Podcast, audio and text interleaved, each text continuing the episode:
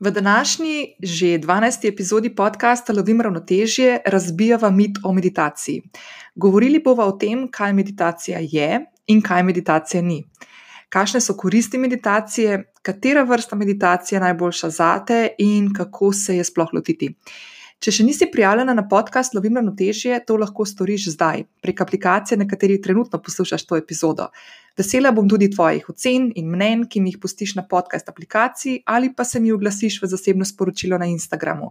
S prijavo oddajo ocene in mnenja na aplikaciji, pri kateri trenutno poslušaš podcast, pomagaš, da ta podcast slišijo tudi tebi podobne ženske. In kot vedno, te v opisu te epizode čaka tudi povezava do zapisa, ki je bil pripravljen za to epizodo in v katerega sem ujela vse stvari, ki jih danes omenjam v epizodi.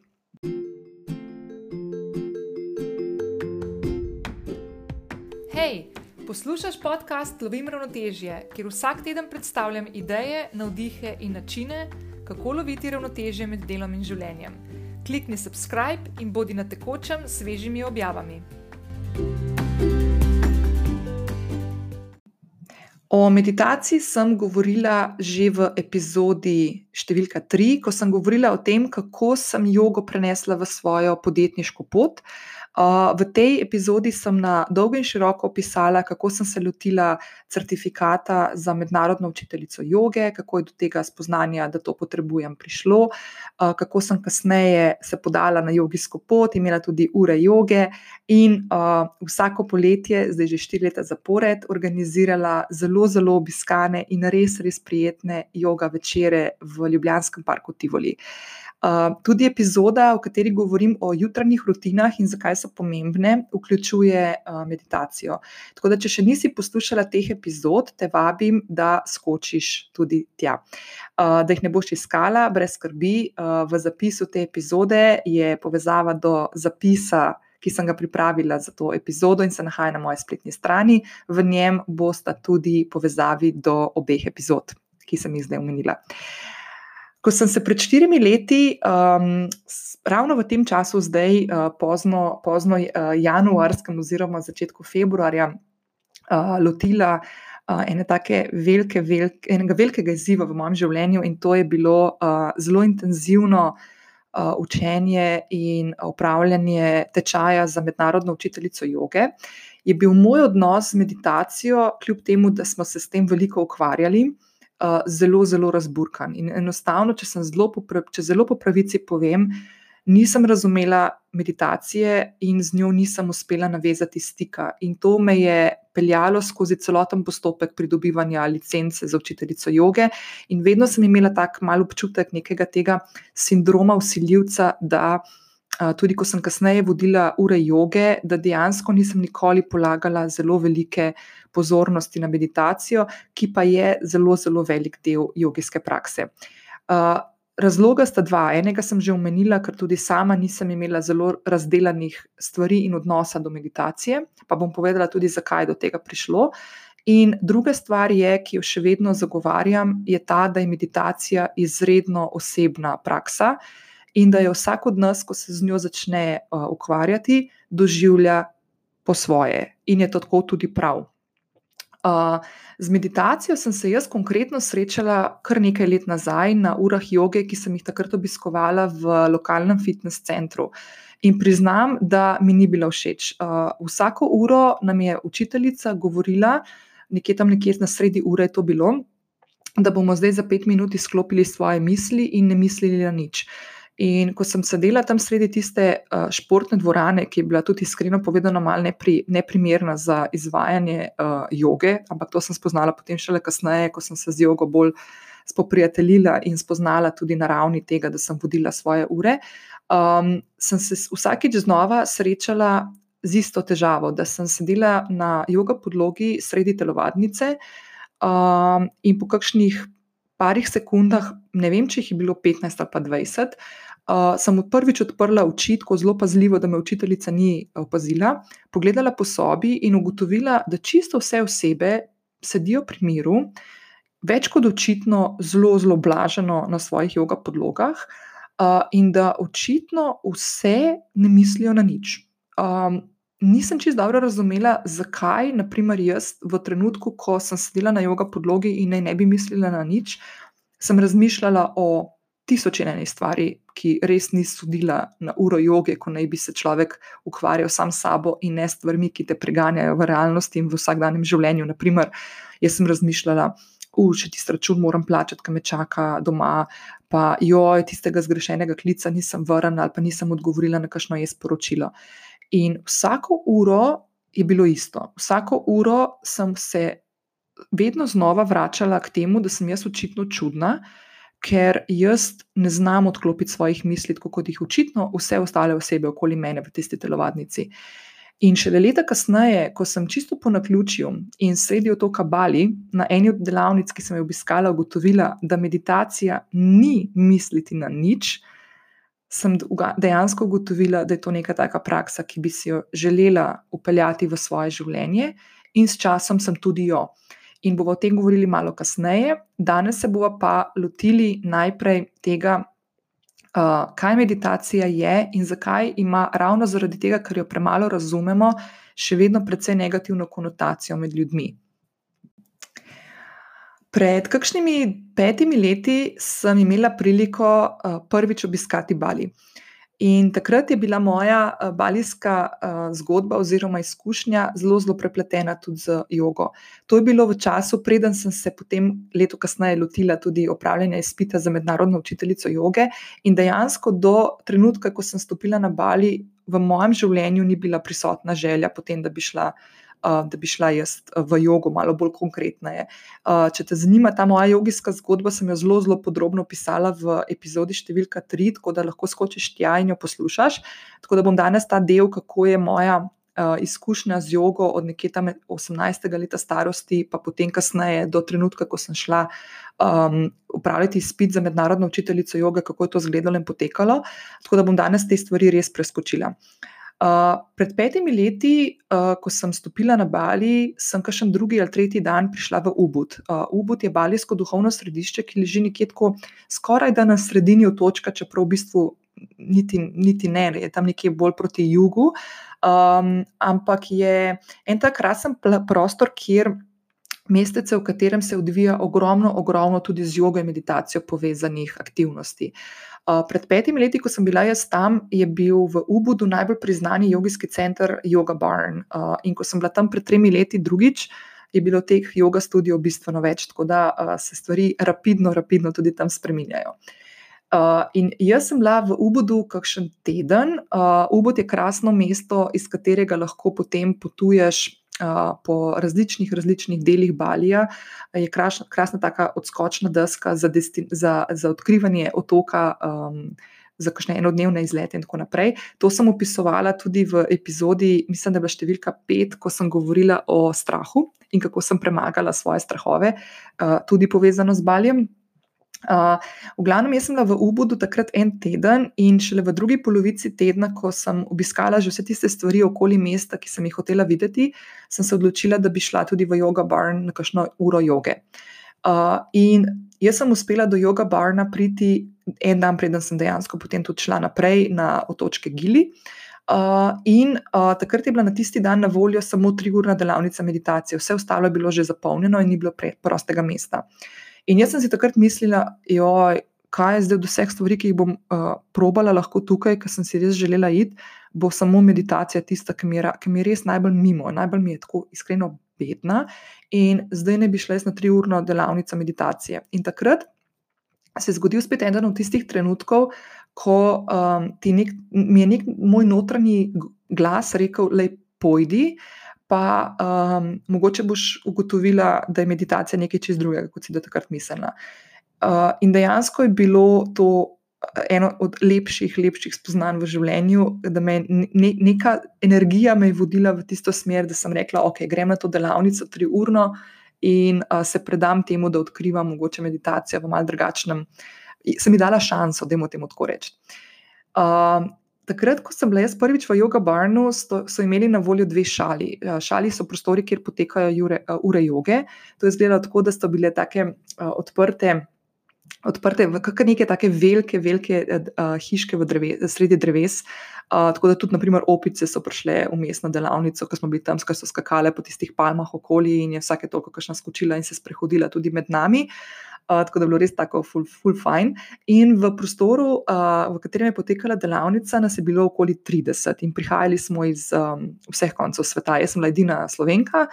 Uh, in uh, ženska, ki je vodila to delavnico, je bila Jane, ki je drugače prihajala iz New Yorka in se je na Bali preselila kakšnih nekaj let predtem, ko smo se srečali, uh, in je za seboj pustila kariero v oglaševalski agenciji. Uh, in ko je prišla na Bali, se je popolnoma posvetila temu, da uči jogo in meditacijo. In zdaj, poleg tega, da je bila Jane tako blazno zabavna na tak ameriški simpatičen način, je imela tudi tako zgodbo, ki je zelo podobna moji. Naprimer, da je delala v oglaševalski agenciji, da je delo ni več izpopolnjevalo in da je iskala nekaj več. To so zdaj vse stvari, s katerimi sem se jaz v tistem trenutku tudi srečevala, zavedno ali pa nezavedno. In sem nekako me tako potegnila v to svojo zgodbo, in sem se počutila zelo povezano s, tisto, s tistim trenutkom v tisti delavnici. In um, Jane je vsakega od nas, čisto na začetku delavnice, vprašala, odkot prihajamo, zakaj smo prišli na to delavnico in kaj od nje pričakujemo. In zdaj, kot bi se mi vsi zmenili, ne, Mimo grede, sem bila jaz prva, ki sem povedala, ker sem sedela na skrajno levi strani njeni in je se odločila, da bo iz leve proti desni šla v urinem kazalcu uh, in spraševala te stvari. Tako da sem bila jaz prva. In kot bi se zmenili, so vsi praktično povedali tisto, kar sem povedala jaz. Uh, in to je, da bi se rada naučila, kako na nič misliti. To, kar so mi prej vsi ljudje in učitelji joge, s katerimi sem se srečala v svojem življenju, rekli, da meditacija je. In ko je zadnji od nas povedal svoje želje in pričakovanja do te delavnice, se je Jane nasmehnila in v nekaj stavkih spremenila moje takratno dojemanje meditacije. In povedala je nekaj v tem smislu, da se z jogo in meditacijo ukvarja že več kot 20 let in da je v tem času spoznala ogromno ljudi, med, nju, med njimi tudi velike jogijske guruje, ki so se z meditacijo ukvarjali že celo življenje. In vsem je bilo skupno nekaj, da nihče od njih ne zna izklopiti svojih misli za več kot nekaj sekund. In razlog, zakaj je temu tako, je zato, ker ljudje imamo možgane za razmišljanje in tega organa ne moremo kar izklopiti. Lahko se naučimo upravljati svoje misli in loviti trenutke med dvema mislima, in to, dragi moji, ne, je meditacija. In meni se je takrat odprl nov svet, uh, odprl se mi je prostor nekega sprejemanja. Dobila sem občutek, da z mano vse je ok, da nisem čudna, ker pač ne znam odklopiti svojih misli. Ali pa tako kot mi je moja takratna učiteljica v fitness centru rekla, da če bom res ne mislila na nič, bom lahko kakšne barve videla ali pa kakšne utrinke in tako naprej, ne z zaprtimi očmi. Um, In tega nikoli nisem, seveda, doživela. Uh, in jaz sem bila tako nora navdušena, da sem ujela to na delavnico sredi Balija, in uh, se s tem počasi začela zavedati, da sem stopila dejansko na neko pot, ki me je potem kasneje pripeljala do tega, da sem šla uh, se malo bolj poglabljati v jogo, uh, kasneje tudi uh, v meditacijo. In skozi to celotno pot, ki se je začela takrat, sredi tiste, uh, tistih uh, palm in opic, ki so skakale med nami, in mačke, ki so prišle na delavnico, se je dejansko začela moja pot um, v osebno rast in v samo sprejemanje, ki ga danes uh, moram reči, da je to tista stvar, ki me um, najbolj navduh, navdu, navdušuje in zaradi katere danes v sebe verjamem in delam stvari izven svojih, um, izven občutka, kaj, kaj sem sposobna narediti, in skačem iz te cone obdobja, in sem veliko bolj pozitivnejša in bistveno bolj umirjena v vsakodnevnem življenju. Tudi ko prihaja do težkih trenutkov, ki jih tudi jaz, seveda, imam, uh, in ko prihaja do kakšnih te, težjih odločitev, ki jih moram sprejemati. Vse skupaj se je dejansko začelo postavljati takrat na Baliju. In lahko rečem, da sem takrat nekako postavila uh, temelje svoje zgodbe, ki se je začela takrat razvijati v drugo smer. Ok, zdaj, kaj sploh meditacija je? Ko sem pripravljala vsebino za to epizodo podcasta, sem iskala eno tako enostavno definicijo meditacije, uh, ki bi na najbolj plastičen način predstavila to prakso oziroma veščino. In priznam, da je nisem našla. Našla sem ogromno zapisov o meditaciji, normalno, ker je pol, internet je poln teh stvari, ampak da bi pa res tako zelo znala povzeti v enem stavku, kaj meditacija je, je pa dejansko blazno težko. In to je zato, ker meditacijo vsak od nas doživlja na popolnoma edinstven, svoj vrsten način. Uh, meditacija ima toliko definicij, kolikor ljudi meditira. Vsak najde svojo in tako je res najbolj prav. Uh, vedno, ko se znajdem v kakšni situaciji, ko moram nekomu razložiti kakšno stvar, ki je ne pozna, se spomnim na mojo babico. Kako bi njej, ki meditacije ne pozna in razume, razložila, kaj je meditacija. In tako se bom zdaj poskušala sprehoditi skozi razmišljanje, ko imamo v mislih mojo babico, menči, kako bi njej zdaj razložila mama, kot, kot mi pravimo, meditacija je to in to. In zdaj bomo se sprehodili skozi to, kako bi jaz razložila te stvari moji babici. Zdaj predstavljaj si, da sediš na bregu reke in opazuješ, kako reka teče mimo tebe. Vsake toliko na gladini opaziš list, ki je padel z drevesa in tok ga nese mimo tebe. Predstavljaj si, da so ti listi tvoje misli in reka je tok tvojih misli, ki se nenehno odvija v tvoji glavi. Reciva, da je, misel, uh, da je tvoja misel račun, ki ga moraš plačati. Uh, ta račun je naprimer ta list, ki je padel na gladino reke. Vidiš ga, kako na gladini reke pluje mimo tebe, ko, ko ti sediš na bregu in to opazuješ. In list pluje naprej, in kmalo ga tvoje oči ne vidijo več. In vrniva se zdaj na tvojo misel o računu, ki ga moraš plačati.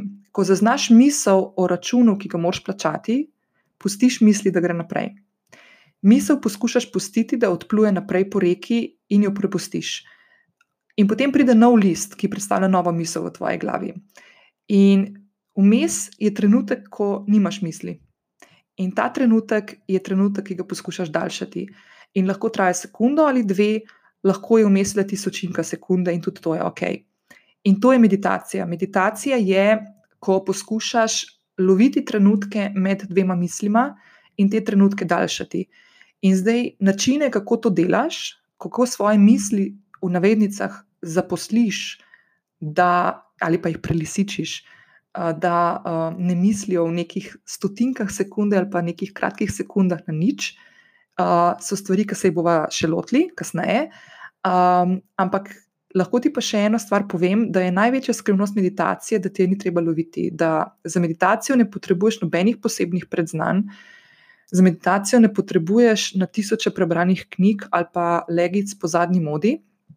Dejansko potrebuješ trenutke zase, uh, trenutke, ko se usedeš v nek položaj, ki je tebi najbolj udoben, uh, ni treba sedeti v lotusu uh, in imeti, um, uh, imeti uh, roke oziroma prste v kakšni posebni mudri.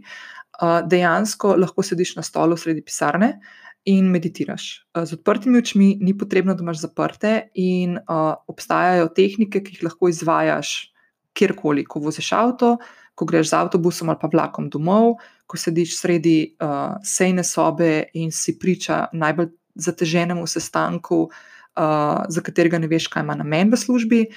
Karkoli, kjerkoli se nahajaš, lahko narediš eno rundo meditacije in se s tem sprostiš. Pa bomo do teh stvari prišli nekoliko kasneje, ko bomo govorili o tem, kakšna meditacija, kakšna vrsta meditacije je lahko najboljša za te, oziroma kdaj, kaš, po kakšni vrsti meditacije posežeš, um, ko imaš naprimer, uh, nekaj treku, tre, trenutkov zase, ali pa ko imaš kaj več časa na voljo. Zdaj, preden se sprehodiva skozi različne vrste meditacije, je prav, da pogledava še, kakšne koristi ima sploh meditacija.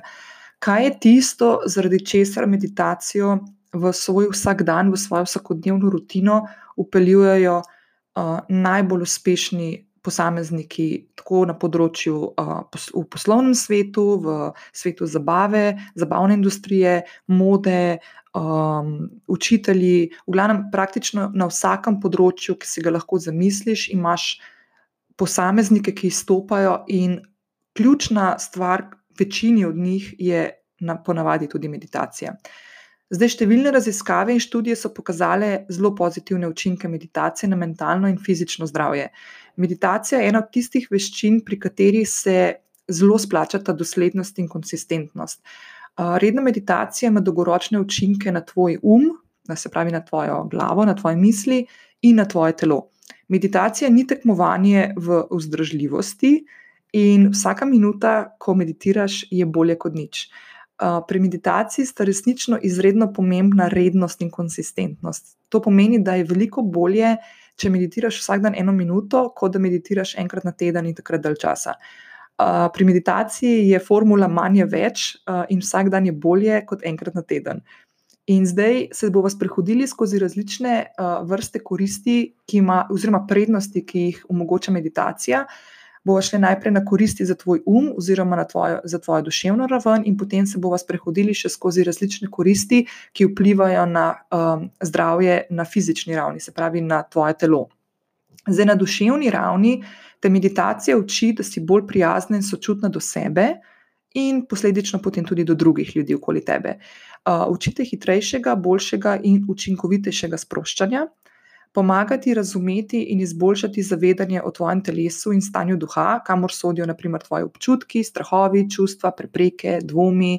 Občutki sindroma usiljivca, o tem bomo govorili kdaj kasneje, uh, pomagati dejansko, da se sprejmeš takšno, kot si. In uh, mislim, da je to v svetu, v katerem živimo, ena od najbolj lepih stvari, ki si jih lahko daš, ena od lepših daril, ki si jih lahko podeliš. In meditacija ti lahko pomaga priti do tega, priti, uh, priti do tega spoznanja. Zdaj, na telesni ravni meditacija znižuje raven stresa, znižuje krvni tlak, izboljšuje tvojo sposobnost koncentracije in spomina, znižuje anksioznost. Um, to je predvsem zato, ker se osredotočaš na sebe in ne na druge. In anksioznost um, je pogosto in prepogosto uh, rezultat tega, da smo preveč fokusirani na stvari, ki se, ki se dogajajo izven nas in na katere dejansko mi nimamo vpliva, in nam s tem viša nivo anksioznosti, ki ga nosimo v sebi. Tako da z meditacijo, naprimer, lahko to zelo, zelo zmanjšujemo. Potem na telesni ravni meditacija izboljša tudi kakovost spanja, izboljša odpornost imunskega sistema, znižuje raven depresije in pomaga pri upravljanju z bolečino. Meditacija pozitivno vpliva tudi na tvoje dihanje, in večina nas diha prehitro in zelo plitko. Dihanje je povezano tudi z upravljanjem počutja. Jaz sem o dihanju že kar nekaj govorila. Če me spremljaš na Instagramu, sem tudi naredila nekaj primerov tega, kako se lahko sprostiš samo z dihanjem in na kakšen način lahko uh, nižaš nivo stresa v nekih stresnih trenutkih, ko se naprimer znajdeš na kakšnem tečnem sestanku ali pa ko um, vem, imaš doma kakšno dramo, kako lahko samo skozi upravljanje svojega diha pomirjaš sebe uh, in svojo, svoje čustva. Um, zdaj, naprimer, če pomisliš, ko si živčna ali pa je pred tabo nek upravek, ki ti povzroča skrbi, uh, te je strah in se ga res ne veseliš, je tvoje dihanje ponavadi zelo hitro. Uh, večina ljudi v vsakodnevnem življenju diha prehitro, vdihi in izdihi so zelo kratki, uh, in pri tem se ne izkorišča celotnega potencijala, diha, potencijala dihalnega sistema, ki ga imamo. Zdaj, normalno, normalna stopna dihanja zdrav, za zdravega odraslega človeka je, da, da naredi na minuto nekje okoli med 12 in 20 vdihov in izdihov. Z redno meditacijo pri kateri se osredotočaš na dihanje, boš svoje dihanje poglobila in umirila. In to je krasen način za upravljanje stresnih situacij, s katerimi se v bistvu vsi soočamo na vsakodnevni ravni.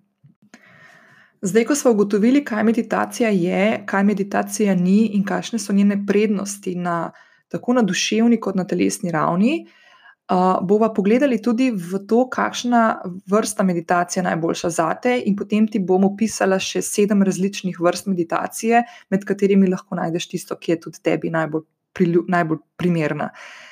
Meditacija je, kot smo rekli, izredno širok pojem in temu primerno se je v stoletjih razvilo veliko vrst meditacije. In če smo zelo iskreni, uh, vsak od nas lahko oblikuje svojo meditacijo in tukaj ni nekih posebnih pravil. Uh, zdaj, ko bom razlagala o tem, katera vrsta je mogoče najboljša za te. In ko se bomo sprehodili čez sedem različnih vrst meditacije, me v mislih to, kako bi lahko neko meditacijsko prakso upeljala v svoj vsakdan. Se pravi, edina pomembna stvar, oziroma najpomembnejša stvar, uh, ki se jo pri meditaciji um, je fino zapomniti, je to. Da je dobro jo izvajati res konsistentno, redno, se pravi, da smo pri tem dosledni. Kar ne pomeni, da če boš en dan pozabila na to, da je potem konec in greš spet na začetek. Ne. Um, to sem govorila že v svoji v epizodi, ko sem govorila o jutranjih rutinah, zakaj so pomembne. Sem del namenila tudi meditaciji, ki je del moje jutranje rutine, vsakodnevne. Meni se zgodi, da kdaj, kakšen dan tudi to preskočim. Ali pa, naprimer, da se mi ne da zjutraj, ko se zbudim, predstaviti iz postelje na jogo podlogo, ki me čaka ob vznožju postelje in na kateri je en tak velik polštrček, na katerega se usedem, ko uh, začnem z meditacijo. Včasih meditacijo naredim kar v postelji. Tudi to je čisto ok. Um, navadno učitelji radi pravijo, da se meditacija izvaja v sedečem položaju, zato da smo. Um, um, da imamo nekako zavedanje o tem, da moramo držati telo budno, in da, smo, da, da moramo mečkaj loviti kot ravnoteže, medtem ko sedimo, da imamo zravnan hrbet in tako naprej. Ampak včasih se lahko meditacijo naredi tudi drugače, lahko tudi po posteli. Um, tako da um, najdi način, kako boš ti prišla do, nekega, do neke formule, ki bo tebi dobro. Se pravi, um, vse, kar je pomembno, je, da se dejansko osredotočiš na to, kako lahko v tvoj trenutni vsak dan pripelješ prakso meditacije in da ti to ne bo povzročalo stresa, ker meditacija je točno nasprotje tega. Se pravi, pripeljati moraš v svoje življenje na način, ki ti bo kul, cool, uh, ne da te bo pri tem, um, da boš imela neke slabe vesti, če ne boš naredila meditacije tisti dan, ali pa če boš fulna stvari mislila in boš rekla, da to ni dobro, to ni dobro. Tudi če imaš občutek, da je v navednicah zgrešena meditacija bila danes, je to še vedno bolje, kot da je ne bi naredila. Zdaj, ena od stvari, oziroma ciljev, ki jo želiš skozi meditacijo zasledovati, ne, je, da poskušaš krepiti nek svoj notranji mir, neko spokojnost, lovljenje koncentracije, mogoče, če imaš s tem težavo, in druge stvari. Zdaj, še enkrat, meditacija ima krasno sposobnost sproščanja in spodbujanja večje ozaveščenosti v vsakodnevnem stresnem življenju, ki ga živimo. In strokovnjaki za duševno zdravje in duhovni voditelji so razvili prek deset različnih oblik meditacije. In še enkrat ponavljam, da nobena ni tista prava, prava je tista, ki jo boš našla sama in ki jo boš lahko peljala v svoj vsakdan. Uh, pomeni, da pač slediš tisti, ki ti najbolj ustreza in ki je za tebe v tem trenutku najboljša. Vsem, vrst, vsem vrstam meditacije je skupaj nekaj zanimivosti. Uh, naprimer, vsaka vrsta meditacije zajema več podvrsti, ki jih je fino odkrivati in vaditi in ugotavljati, katera je tista, ki je zate najboljša. Um, ne obstaja neko zedinjeno mnenje strokovnjakov, kako dolgo naj bi človek vsak dan meditiral. To je stvar, ki pač um, naj si vsak od nas vzame nek čas, ki nam je na voljo. Uh, in pri tem se treba zavedati, da konsistentnost in rednost sta tisti, ki štejeta. Se pravi, bolje je, da meditiramo vsak dan eno minuto, kot da meditiramo sedem minut v nedeljo zjutraj, ko imamo več časa. Um, zdaj, ko bomo šli skozi sedem različnih vrst meditacije, uh, je fino, da um, poskušaš vsako od teh meditacij malo probati, zato da vidiš, katera je potem na koncu tista, ki ti najbolj ustreza, oziroma lahko v določenem trenutku posežeš po kakšni, ki jo sicer na redni ravni ne izvajaš. Prva vrsta meditacije, ki jo bomo omenili, je meditacija uh, ljubeča prijaznost. Oziroma, če kdaj poslušaš kakšne um, ali pa si že poslušala kakšne meditacije, ali pa prebirala kakšne knjige o čuječnosti, o sproščanju in to, je to iz angleščine beseda, besedna zveza loving kindness. Uh, ta oblika meditacije je poznana tudi pod imenom meta meditacija in njen cilj, ključni, je gojiti nek ljubeč in prijazen odnos do vsega. Najprej do sebe. In na koncu celo do stvari ali pa ljudi, ki ti povzročajo preglavice in ti, naprimer, razvijajo neke dodatne stresne situacije in občutke. Uh, Med globokim dihanjem se, na primer, osredotočiš na prijaznost in svoje misli odpreš za sprejem ljubečih sporočil. In te pošleš sebi, drugim in v svet. Pri tej meditaciji je ključno, da meditacijo spremlja tudi sporočilo, ki ga v mislih ponavljaš. To je lahko neka mantra, ki si, si jo že razvila, ki jo imaš narejeno, ki si jo mogoče od nekje dobila. In eno takšnih sporočil je, naprimer, naj bom srečna, naj bom zdrava, naj bom dobro, naj bom varna, naj bom mirna. To je lahko zdaj neka taka mantra, ki si jo ponavljaš skozi meditacijsko prakso vsak dan. In to je, naprimer, trenutek, oziroma mantra je tvoj fokus, na katerem imaš um, svoje misli usredotočene. To pomeni, če se vrnemo nazaj na tisto sedenje na uh, bregu reke, ko sem svoji babici Menči, moji mami Menči, razlagala, kaj je meditacija. uh, poskušaš tiste trenutke med dvema mislima zapolniti s tem, da uporabljaš to mantro, ki si jo izgovor, izgovarjaš v svojih mislih, ne na glas, ampak pri sebi. Ta vrsta meditacije je namenjena spodbujanju občutka sočutja in ljubezni do sebe, in seveda potem posledično tudi do drugih. Odlična je za vse tiste, ki se spopadate veliko z jezo, frustracijami, nezadovoljstvom, medosebnimi konflikti. Meditacija povečuje pozitivna čustva in znižuje občutek depresije in anksioznosti. Druga vrsta meditacije je skeniranje telesa. Tej vrsti meditacije rečemo tudi progresivna sprostitev. Gre za vrsto meditacije, ki vadečega oziroma tebe, ki meditiraš, spodbuja, da skeniraš svoje telo. Cilj meditacije je odkriti področje napetosti v telesu in jih poskušati sprostiti. Na urah joge jaz, na primer, svoje učence največkrat skozi skeniranje telesa vodim v zaključnem delu ure joge. Naprimer, če si slučajno bila v, v parku Tivoli poleti, potem se mogoče spomniš, da smo na koncu ure, ko smo ležali na jasi ob Tivolski promenadi, sem vas vodila skozi to, da smo šli od stopal gor po, po celem telesu, sprednji in zadnji strani, do vrha glave.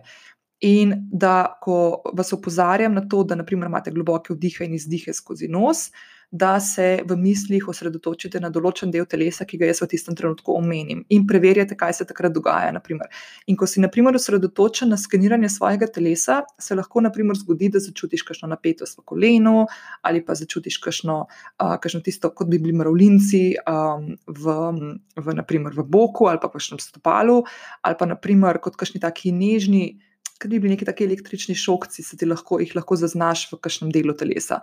Um, tako da ta vrsta meditacije lahko pomaga graditi občutek miru in sprostitve, in ti je lahko pomoč, da, če te, na primer, težijo neke kronične bolečine, uh, je pa tudi odlična kot priprava za spanje. Tako da en način uh, skeniranja telesa uh, vključuje tudi meditacija yoga nidra. Uh, to, je, to je v bistvu temu v, v, v jogi pravimo jogijsko spanje, ko dejansko ne zaspimo, smo zelo, zelo, zelo pozorni na to, na to, kako se vodi meditacija, ko nam nekdo govori. Stvari, naprimer, neko zgodbico, pred to zgodbico je vedno tudi neko skeniranje telesa. Tretji tip, oziroma vrsta meditacije, je čuječna meditacija. To je ta uh, mindfulness, ki je tako zelo popularen v zadnjih letih. Čuječna ali zavedanje uh, je vrsta meditacije, pri kateri vdeči ostane zaveden in prisoten v trenutku. Uh, ta vrsta meditacije osebo spodbuja, da na mesto o preteklosti ali strahu pred prihodnostjo zavedanje obrnemo na ta trenutek, na ta točno ta trenutek, v katerem se nahajamo zdaj. Pri tej meditaciji odvržemo vse sodbe in pričakovanja, in uh, to meditacijo lahko izvajamo posod in kadarkoli, ko čakamo na zeleno luč, na križišču ali pa v trgovini v vrsti na blagajni. Enostavno se lahko prepustiš trenutku, umirjeno opazuješ svojo okolico, naprimer luč, glasove, zvoke, vunjave in se predaš tej izkušnji. Ta vrsta meditacije je vključena v vse vrste meditacije. Zavedanje diha vadečega spodbuja, da je pozoren na svoje dihanje, medtem ko se pri skeniranju telesa, naprimer, osredotočimo na bolečino ali na obdobje. Ampak vse te stvari so tiste stvari, ki so v tem, točno v tem trenutku. S to vrsto meditacije lahko zmanjšamo osredotočenost na negativna čustva ter impulzivne in čustvene reakcije in iz, poskušamo izboljšati osredotočenost in svoj spomin. Naslednja vrsta meditacije je meditacija z ozaveščanjem diha. Ta vrsta meditacije je odlična za uravnavanje zavestnega dihanja. Če se spomniš, uh, sem govorila o tem danes že, da nas večina diha prehitro in preveč plitko. In ta meditacija je kot nalaž za soočanje s tem izzivom. Skozi meditacijo se vdeči v celoti osredotoči na svoje dihanje in pri tem so ti lahko v oporu številne tehnike.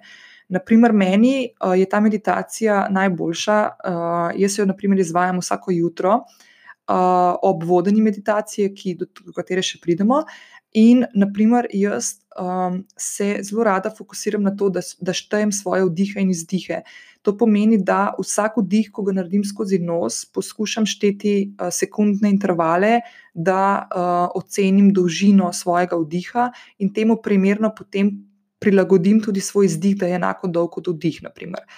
Uh, zdaj, tako v praksi pomeni, da vsak dih začneš počasi da zrak skozi nosnice pride v ustno votlino in ga na to v mislih spremljaš, kako potuje prek sapnika do pljuč in vse do trebuha. Um, kot sem rekla, tem šteješ, pri tem šteješ tudi te sekundne intervale. In ko začneš z izdihom, zrak ponovno spremljaš, kako se iz trebuha dvigne proti pljučem, sapniku, ustni votlini in potem skozi nosnici ven. Uh, in ena tehnika je, da, imaš, da poskušaš imeti vdih in izdih enako dolg. Če se slučajno, naprimer, znajdeš v situaciji, ko si blazno napeta, anksiozna, m, ko si pod stresom, naprimer, lahko se ti to zgodi v službi, lahko se ti to zgodi, ko si doma.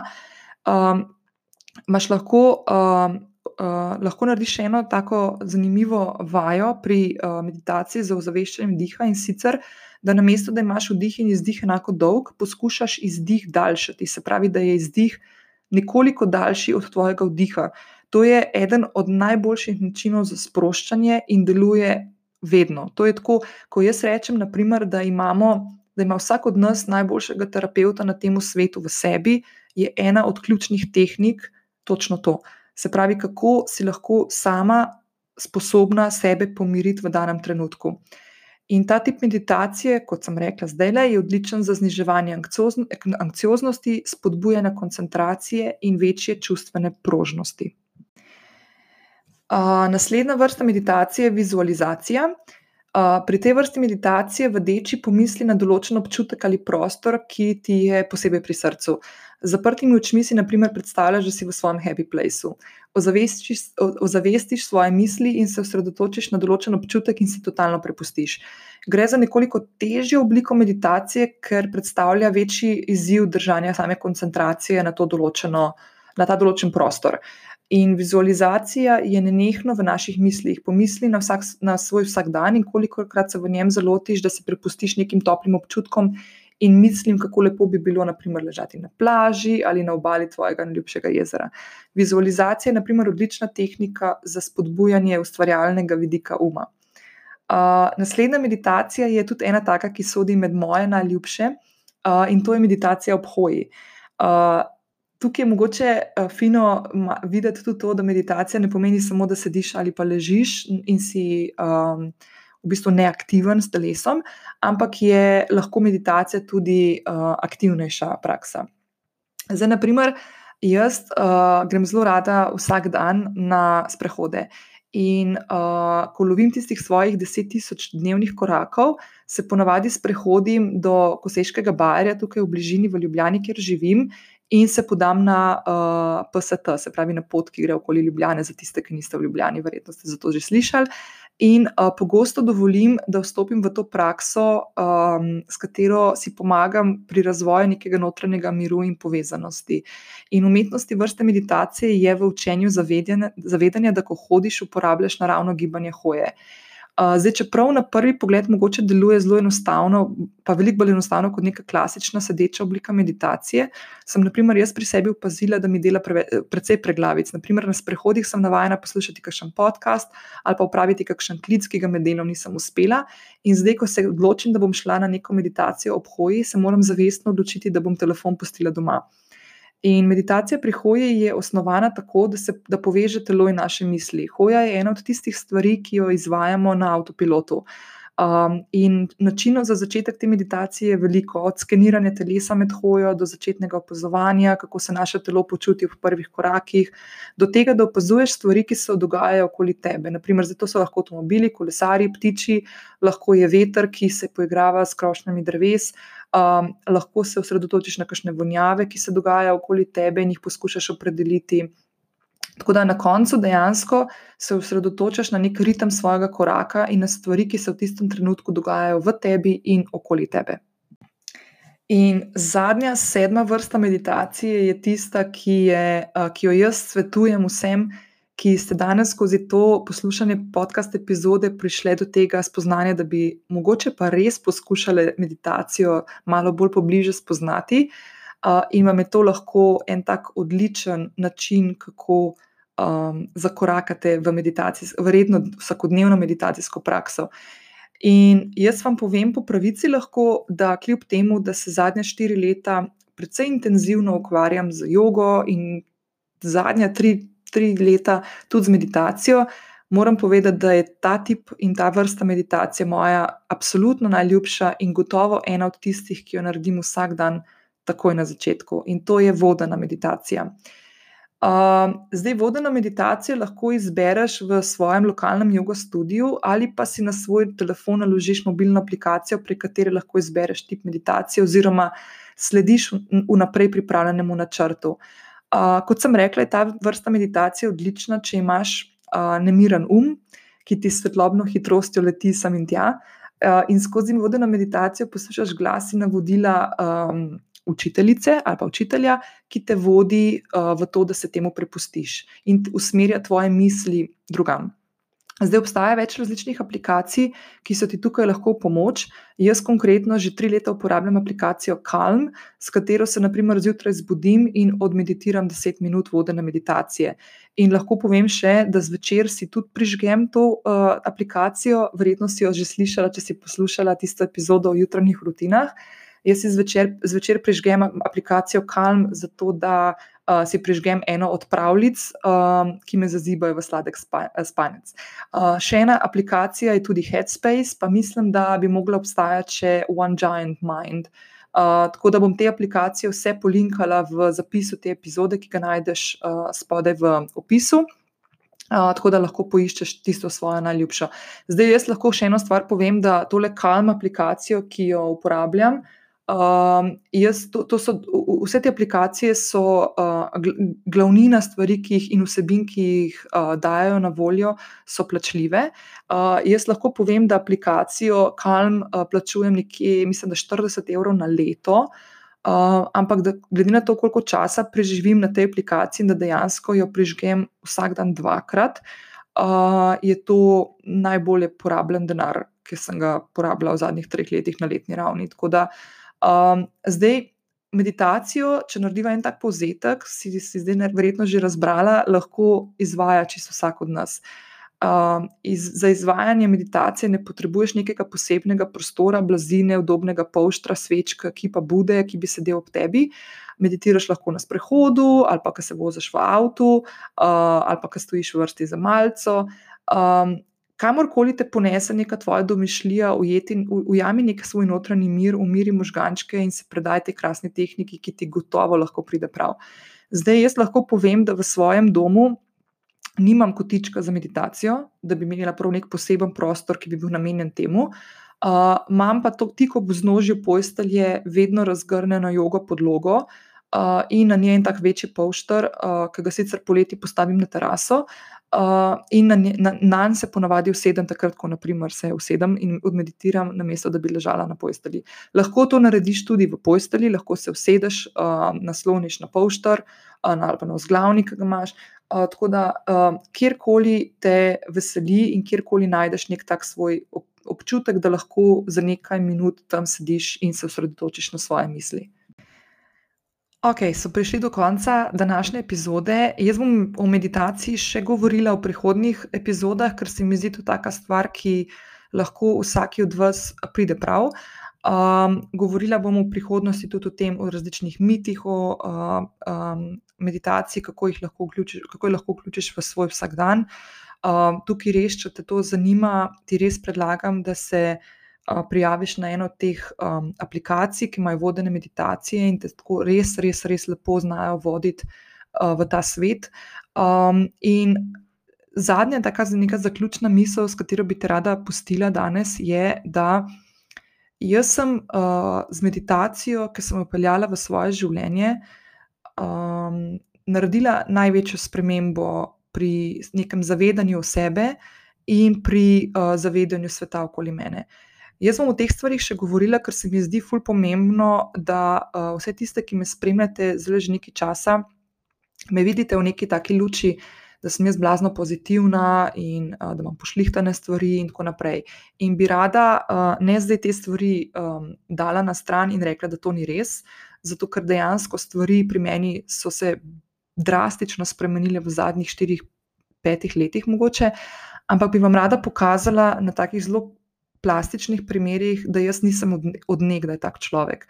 Jaz sem bila dolgo časa zelo negativno usmerjena oseba, vedno sem videla probleme, nikoli nisem videla rešitev, nikoli nisem videla neke svetlobe na koncu, bila sem tako zelo, zelo skeptična. Um, bila sem totalno nasprotje temu, kar sem danes in kot me vidite, ve. In uh, meni se zdi pomembno, da ko govorimo o nekih teh osebnih rasteh uh, in nekemu samospoznavanju, in tako naprej, da pokažemo tudi stvari, kje smo se včasih uh, lomili, kje smo se nahajali, kako smo dojemali določene stvari, pa sebe v življenju. In jaz se bom pripravila in bom eno epizodo naredila tudi na to temo. In uh, vas bom sprehodila skozi, naprimer, neke objave, ki sem jih jaz včasih dala od sebe in so kazale na, to, uh, na, na, na ta vidik mene, ki ga mogoče danes, uh, mislim, ne mogoče, ki ga danes ni več. Uh, zato, ker se mi zdi res pomembno te stvari izpostaviti, da se naredi mal bolj uh, realen prikaz uh, tega, kaj je človek sposoben narediti. In um, jaz zelo rada govorim o teh stvarih, zato ker uh, bi rada pokazala, da tudi tako pesimističen in uh, negativen človek, kot sem bila jaz včasih, uh, lahko postane bolj pozitiven človek, usmerjen vase, ne usmerjen v druge, ne usmerjen v to, da si všečen drugim, ampak da poiščeš te stvari v sebi, da si hvaležen za stvari, ki jih imaš, in se ne osredotočaš na tiste stvari, ki jih nimaš. O teh stvarih, ki smo že veliko govorili tudi v preteklih epizodah. In um, eden od načinov, uh, vedno, ko govorimo o teh stvarih, se mi zdi blazno pomembno, da povem tudi. Um, kako sem jaz do teh stvari prišla. In, naprimer, konkretno, ena od uh, veščin, ki mi je pomagala priti do tega, je definitivno meditacija. Jaz sem pri meditaciji ugotovila, da mi najbolj pomaga pri tem, da me potegne ven iz nekega vrtinca, nekih stvari, ki se odvijajo okoli mene, na katere jaz nimam vpliva, ampak se. Sem se prepogosto v preteklosti totalno povezala s temi, s temi situacijami, in pustila, da me odpeljajo po svoje. Um, mene je meditacija naučila, da se usmerjam vase, da se usmerjam, usmerjam v to, da sama sebe spoznavam, da ugotovim pri sebi, kaj je tisto, kar želim, česa ne želim, kaj je tisto, kar me navdihuje, kaj me dela srečno. Um, skozi meditacijo sem ogromno enih stvari spustila iz svojega življenja, predvsem stvari, s katerimi sem se jaz ukvarjala, od nekih čustev do nekih, um, do nekih pogledov na svet, na sebe, na druge.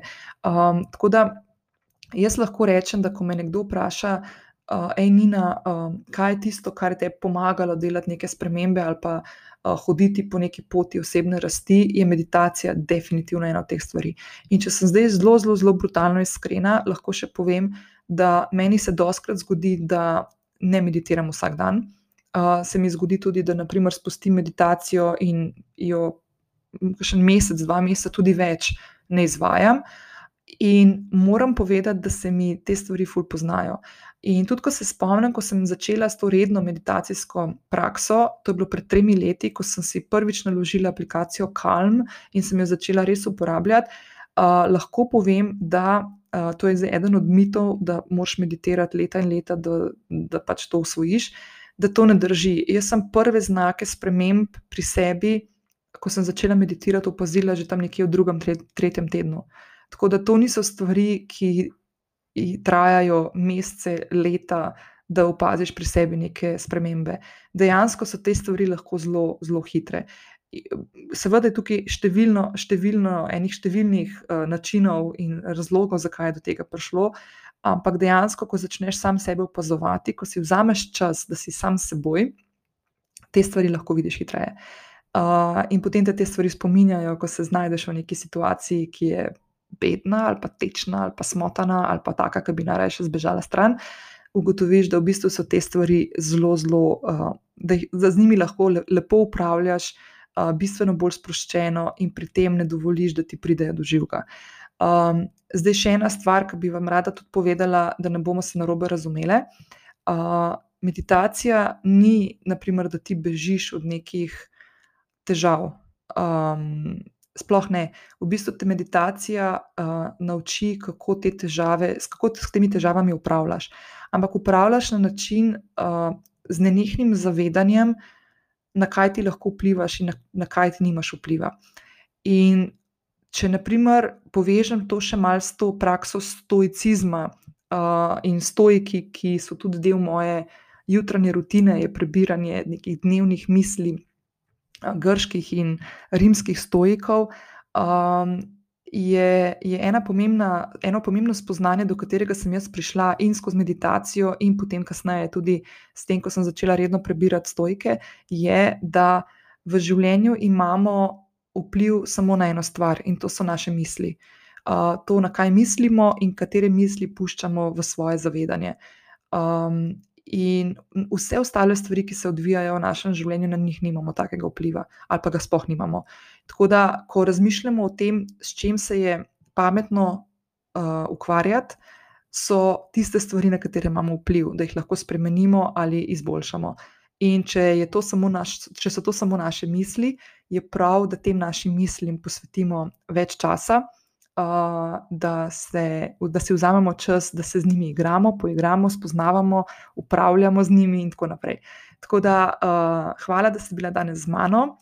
Uh, še enkrat te vabim, da če še nisi prijavljena na podcast, se prijavi, zato da boš vsak teden v petek dobila tako lušno obvestilo na svoji podcast aplikaciji, da te čaka sveža epizoda. Zelo bom vesela, če boš oddala oceno. Zdaj se je že zbralo kar nekaj ocen. Konkretno na iTunesu, kjer jaz lahko to malo bolj plastično spremljam, ker druge aplikacije imajo to mečkam bolj prikrito in skrito. Uh, lahko oddaš tudi svoje mnenje, uh, deliš, kaj si misliš, česa si želiš. Kadarkoli mi lahko na Instagram pošlješ sporočilo zasebno in mi poveš, kakšno stvar, oziroma kakšno temo bi želela, da mogoče še ugriznem vanjo, če bom znala, če bo to neko tako polje. Uh, v katerem jaz lahko govorim in povem svoje mnenje, ki vam bo koristilo, pol z veseljem. Uh, so tudi kakšne stvari, ki mi včasih pošljete, ker enostavno nimam nekih izkušenj in nekih uh, znanj, tako da tisti stvari raje niti se ne lotevam. Ampak vedno, vedno bom vesela ocene, prijave in oddanega mnenja. Zdaj, ljudje, ki se ukvarjamo s podcasti, so to v bistvu so prijave, mnenja in ocene uh, tiste stvari, ki vplivajo, da imamo temu reči v navednicah na algoritem. Zato vedno povem, da uh, s temi dejanji, ki jih naredite, vi, poslušalke, um, naredite meni eno veliko uslugo, da ta podcast uh, slišijo tudi druge ženske. Tako da naredite uslugo meni in naredite uslugo uh, ostalim ženskam, ki mogoče še niso slišali za ta podcast. Tako da najlepša hvala. Jaz ti želim tebi in vsem vam en krasen, krasen petek in lep, lep vikend.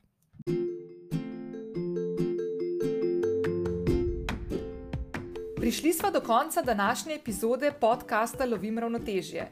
Slediš mi lahko tudi prek Instagrama, Facebooka in Twitterja, kjer me najdeš pod Nina Gaspari. Spletne zapise najdeš tudi na strani ninagaspari.com, kjer se lahko prijaviš na e-novičke, prek katerih pošiljam dodatne vsebine v tvoj e-nabiralnik. Če na iTunes še nisi stisnila subscribe, to lahko narediš zdaj. Tako boš vedno ujela svežo epizodo. Hvaležna bom tudi za tvojo oceno in mnenje tega podcasta, ki ga lahko daš ob prijavi in s tem pomagaš, da ta podcast sliši še več poslušalk. Se slišiva prihodnji teden, ko bova spet lovili ravnotežje. Hvala za poslušanje, želim ti krasen dan.